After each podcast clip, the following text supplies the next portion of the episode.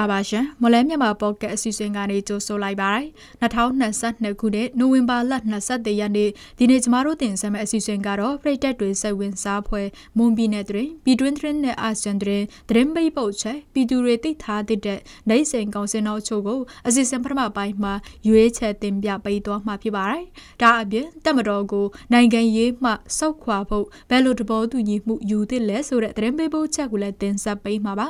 ဟုတ်ကဲ့ပါဒီကနေ့အစီအစဉ်မှုကတော့ကျမမိမယမုံကတာဝန်ယူတော့မှာဖြစ်ပြီးကျမနဲ့အတူကိုခက်မြတ်သူကသတင်းတို့ကိုကူညီဖက်ကြားပေးသွားမှာဖြစ်ပါတယ်။နားဆင်ကြတဲ့ပရိသတ်တွေအားလုံးကိုမင်္ဂလာပါလို့နှုတ်ခွန်းဆက်သပါရစေ။ကျွန်တော်ခက်မြတ်သူကမိမယမုံနဲ့အတူသတင်းတွေကိုကူညီတင်ဆက်ပေးသွားမှာပါ။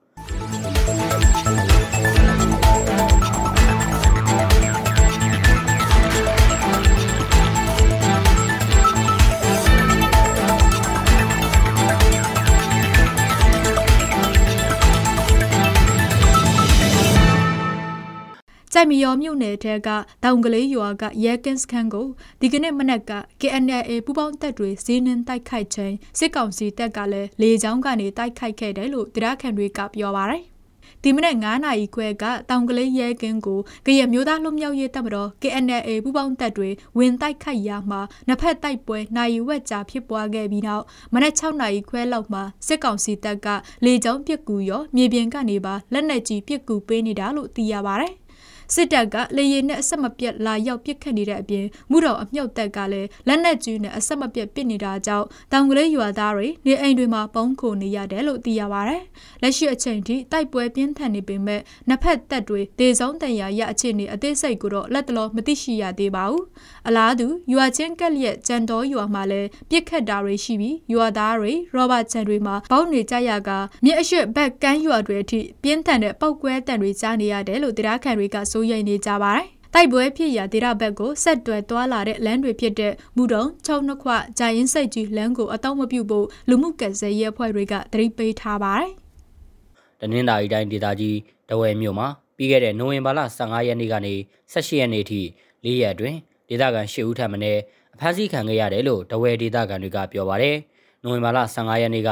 တဝဲမြို့အဝင်ကမျောကင်းတရားစစ်စေးရေးဂိတ်မှာဈေးလာဝယ်တဲ့ဦးစိုးသိန်းဆိုသူနဲ့ သူ့အမျိုးသမီးတို့ဖမ်းဆီးခံခဲ့ရပြီးအမျိုးသမီးဖြစ်သူပြန်လွတ်လာပေမဲ့ယောက်ျားဖြစ်သူကိုတော့စစ်ကြောရေးကိုပို့လိုက်တယ်လို့ဒေသခံတွေကပြောပါတယ်။နိုဝင်ဘာလ16ရက်နေ့မှာလဲတဝယ်မြို့ဘုံမော်ရက်ကွက်တောင်ကွလမ်းဆောင်မှာပလာတာရောင်းနေတဲ့အသက်50ရွယ်ဦးထေးအောင်ဆိုသူကိုအိမ်နီးနားချင်းတွေကတိုင်လို့ဆိုပြီးရဲစခန်းကနေလာရောက်ဖမ်းဆီးသွားခဲ့ပါသေးတယ်။16ရက်နေ့ညနေပိုင်းမှာလဲတဝယ်မြို့မှာနေထိုင်တဲ့ဦးအောင်ကြီးဆိုသူနဲ့သူ့အမျိုးသမီးကိုစစ်တပ်ကဝင်ရောက်ဖမ်းဆီးခဲ့ပြီးဒီနေ့ထိပြန်မလွတ်သေးဘူးလို့ဆိုပါတယ်။ နိုဝင်ဘာလ18ရက်နေ့မနက်9:00နာရီခန့်ဒဝဲလေရင်ခွင်းမှာလေရင်စီးဖို့စောင့်နေတဲ့အသက်50ဝန်းကျင်ရွယ်အမျိုးသားတဦးကိုလည်းအဖမ်းခံခဲ့ရပြီးနောက်စစ်ကြောရေးကိုပို့ဆောင်ခဲ့တယ်လို့ဒဝဲဒေသခံတွေကပြောပါတယ်။အဲဒီနေ့ညနေပိုင်းမှာပဲဒဝဲမြို့နယ်စမ်းချီမြို့သိရက်ကွက်ရှစ်လန်းနဲ့နှစ်လန်းတောင်မှာလူငယ်အမျိုးသား2ဦးကိုဆိုင်ကယ်ပေါ်2ဦးစီးလာလို့ဆိုပြီးကင်းလှည့်နေတဲ့စစ်ကောင်စီတပ်သားတွေကရိုက်နှက်ဖမ်းဆီးသွားတယ်လို့သိရပါတယ်။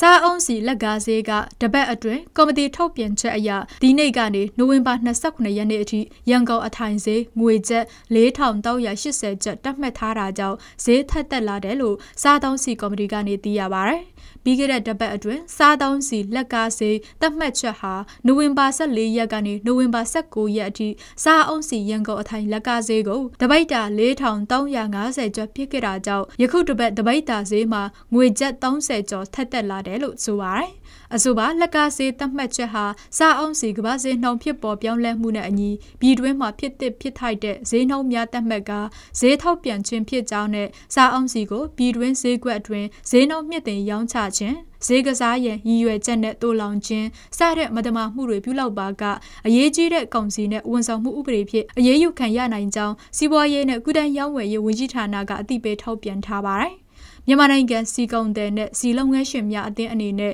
ယခုတစ်ပတ်အတွင်းတန်းစီစနစ်နဲ့လိုက်လံရောင်းချပေးနေတဲ့စားအုံးစီတပိတ်တာဈေးနှုန်းမှာ4550ကျပ်နဲ့လိုက်လံရောင်းချပေးနေပြီးအဲ့ဒီစီအသင်းကနေရောင်းချပေးနေတဲ့ဈေးဟာလည်းရခိုင်တစ်ပတ်ကဈေးနှုန်းအတိုင်းဈေးပြောင်းလဲမရှိဘူးလို့သိရပါတယ်ရခိုင်ပြည်နယ်မှာဩဂုတ်လလယ်ပိုင်းကစပြီးပိတ်ထားတဲ့စစ်တွေရေချမ်းပြင်ဘူးတီတောင်လမ်းကိုမနေ့ကစစ်ကောင်စီတပ်တွေကတောင်းဝင်ပြုတ်လိုက်တယ်လို့မော်တော်ဘုတ်သမားတွေကပြောပါတယ်။ ရရေချမ်းပြင်ဒေသခံမော်တော်ဘုတ်သမားတဦးကတော့ဗုဒ္ဓဇီမှာခီးတဲ့15ဦးထက်ပိုမတင်ရဘူးဆိုတဲ့ကန့်သက်ချက်တွေရှိနေသေးတယ်လို့ပြောပါတယ်။မောင်တော်အငူမော်စစ်တွေလမ်းကိုအော်ဂိုလာလေပိုင်းကစပြီး3လကျော်ကြာပိတ်ထားခဲ့ပြီးစစ်တွေဘူးတီတောင်ရေလမ်းကြောင်းကိုစက်တင်ဘာလ9ရက်နေ့ကစပြီးအကန့်အသတ်မရှိစစ်ကောင်စီကပိတ်ပင်ထားတာပါ။အော်တိုဘာဒုတိယဘက်ကစစ်တွေအမြင့်ကျွန်းတရားနာမှာဘူးတီတောင်ကိုသွားမဲ့ဗုတ်ကိုးစီးနဲ့ပန်ရှင်9ရက်ကိုစစ်ကောင်စီတပ်ကဖမ်းဆီးပြီးရေချောင်းဥပဒေနဲ့အမှုဖွင့်ခဲ့ပါသေးတယ်။ ဖမ်းဆီးခံရတဲ့ဗုတ်ကိုးစီးဟာရေချမ်းမြင်မကြီးချောင်းစီဒီပြင်ရသေးတောင်ဘက်ကစစ်တွေကိုလိုင်းပြေးဆွဲနေတဲ့အရက်သားပိုင်ပုတ်တွေဖြစ်ပါတယ်။ထိုင်းနိုင်ငံကမြန်မာရွှေ့ပြောင်းလှုပ်သမားတွေအများစုရှိတဲ့မဟာချိုင်မှာအလုတ်လက်မဲ့မြန်မာတွေတောင်းနဲ့ချီရှိနေတယ်လို့ AAC မဟာမိတ်အဖွဲ့ကသိရပါတယ်။ ဒီစီရင်ဟာ AAC ကိုလာရောက်ကူညီတောင်းခံကြသူတွေရဲ့စီရင်တာဖြစ်ပြီးမြေပြင်မှာပုံများနိုင်တယ်လို့ပြောပါတယ်။လက်ရှိမဟာချိုင်မှာ MOU နဲ့လာရောက်ပေမဲ့အလုံးမရတာအောက်လန်းကလာကြပြီးအလောက်ရှာမရတာပွဲစားတွေကစက်ရုံတွေနဲ့ပေါင်းပြီးစာရွက်စာတမ်းတွေလောက်ပြီးအလောက်ရတော့မလို့လို့စောက်ခိုင်းတာဥပဒေမဲ့အလောက်ထောက်တာစတဲ့ပြဿနာတွေကြောင့်အလောက်လက်မဲ့ဖြစ်ရတာလို့မြန်မာရွှေပြောင်းလို့ဓမားတွေကိုကူညီနေတဲ့ဖွဲ့တွေကတညီတညွတ်တမ်းမှတ်ချက်ပြုကြပါတယ်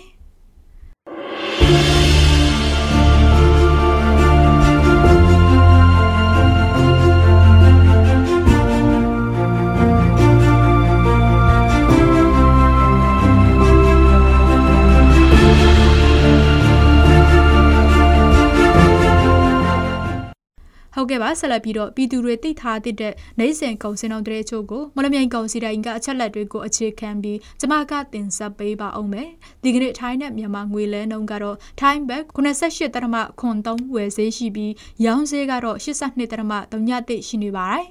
ဒေါ်လာဈေးကတော့အမေရိကန်ဒေါ်လာကိုဝယ်ဈေးမြန်မာငွေ2880ကျပ်ရှိပြီးရောင်းဈေးကတော့2900ရှိပါတယ်။ရွှေဈေးနှုန်းကမီလင်16ပဲ့ရတဲ့ကျပ်သားကိုရန်ကုန်ရွှေအသင်းဒီကနေ့ဈေးကွက်မှာ20သိန်း9800ကျပ်ရှိပြီးအပြင်ပေါက်ဈေးမှာ26သိန်းအထက်မှာရှိနေပါတယ်။73စီတွေကတော့ဒီဇယ်တလီတာကို2555ကျပ်အောက်သိန်းညရည်သူတလီတာကို2085ကျပ်နဲ့95တလီတာကို2195ကျပ်အထိရှိနေတာပါ။စံဈေးနှုန်းကတော့တော့အကောင်စားပေါ်ဆန်မွေ108ပုံအမြင့်ဆုံးကို6100ကျပ်အလဲလက်တန်ဆန်မျိုးစားပေါ်ကျွတ်တဲ့108ပုံအနှိမ့်ဆုံးကို9100ကျပ်နဲ့အမထဆန်တွေကတော့108ပုံအနှိမ့်ဆုံးကို4000ကျပ်နဲ့အမြင့်ဆုံးကို4500ကျပ်ရှိနေတာပါ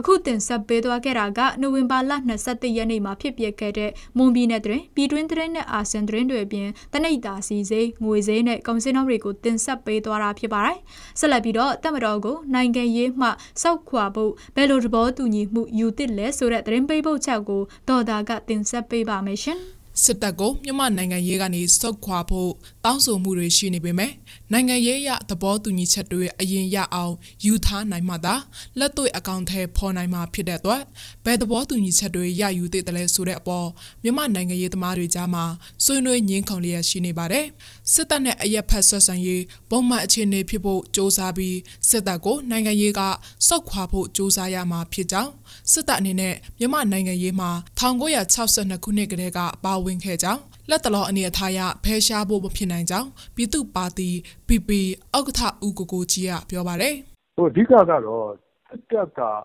နိုင်ငံရေးမှာပါဝင်နေတာကပုံမှန်အခြေအနေမှမဟုတ်ပဲね။အဲ့တော့တစ်ချိန်ချိန်မှာကျွန်တော်တို့ကတကယ်စစ်မှန်တဲ့ဒီမိုကရေစီဖြစ်ပေါ်လာဖို့ဆိုရင်ရွေးကောက်ခံကိုယ်စားလှယ်များနဲ့တာဖွဲ့စည်းတဲ့လွှတ်တော်ဖြစ်ရမယ်ပေါ့ဒါကကျွန်တော်တို့ရဲ့နိုင်ငံရေးရည်မှန်းချက်ပေါ့ သို့တော်လည်းပဲ ကျွန်တော်တို့နိုင်ငံရဲ့ ထူးခြားတဲ့ အခြေအနေအရ ပြောရရင် ဒါ1962ကတည်းက စစ်တပ်က နိုင်ငံရေးမှာ ပါဝင်ကြုံတင်မကဘဲနဲ့ သူက လွှမ်းမိုးတဲ့ အခြေအနေမှာ တောက်လျှောက်ဖြစ်လာတဲ့အခါကျတော့လက်တလော ဖယ်ရှားဖို့ဆိုတာကတော့ မဖြစ်နိုင်ဘူး သို့တော့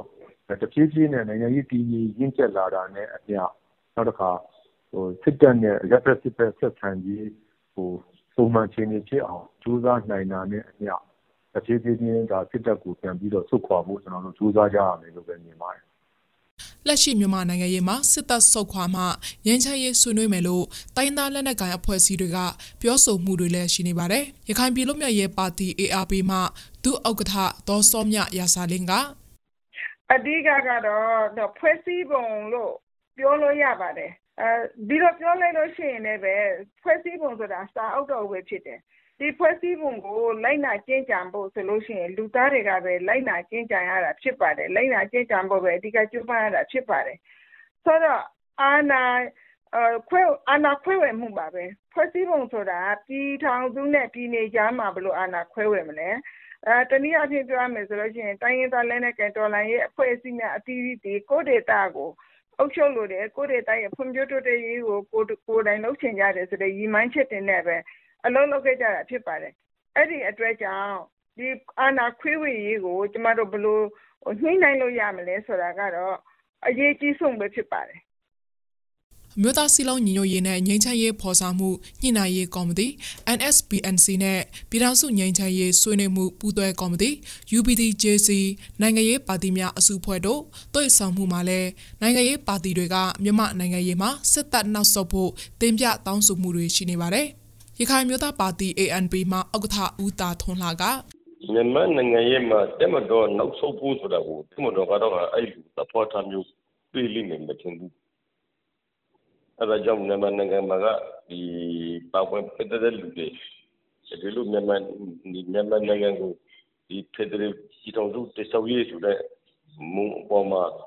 ခိုင်ခိုင်မာမာနိုင်ငံရေးသဘောတူညီချက်တွေရရဖို့လူလိမ့်မယ်တဲ့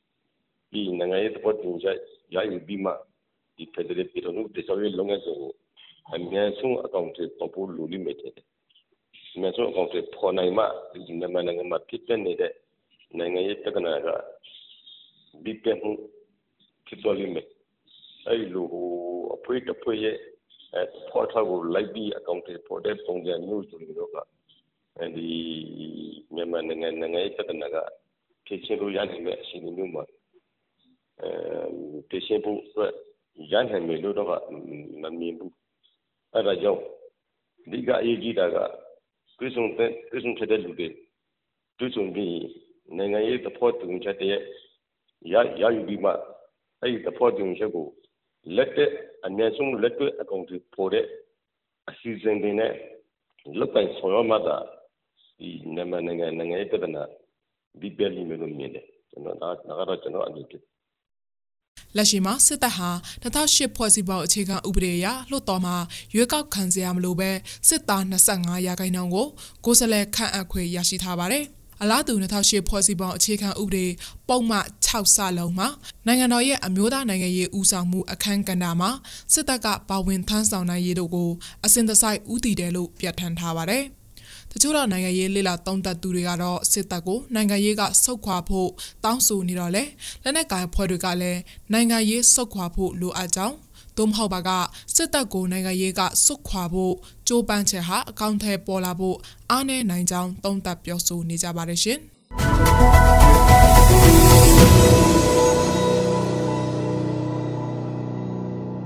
ကျွန်တော်တို့ရဲ့မွန်လန်းမြန်မာပေါ့ကတ်အစီအစဉ်ဒီမှာတင်ပြီးဆုံးပါပြီ။နားဆင်ကြတဲ့ပရိသတ်တွေအားလုံးကိုနောက်နေ့အစီအစဉ်တွေမှာဆက်လက်အားပေးကြပါအောင်လို့ဖိတ်ခေါ်ရင်းအစီအစဉ်ကိုအဆုံးသတ်ပါရစေ။အားလုံးကိုကျေးဇူးတင်ပါတယ်ခင်ဗျာ။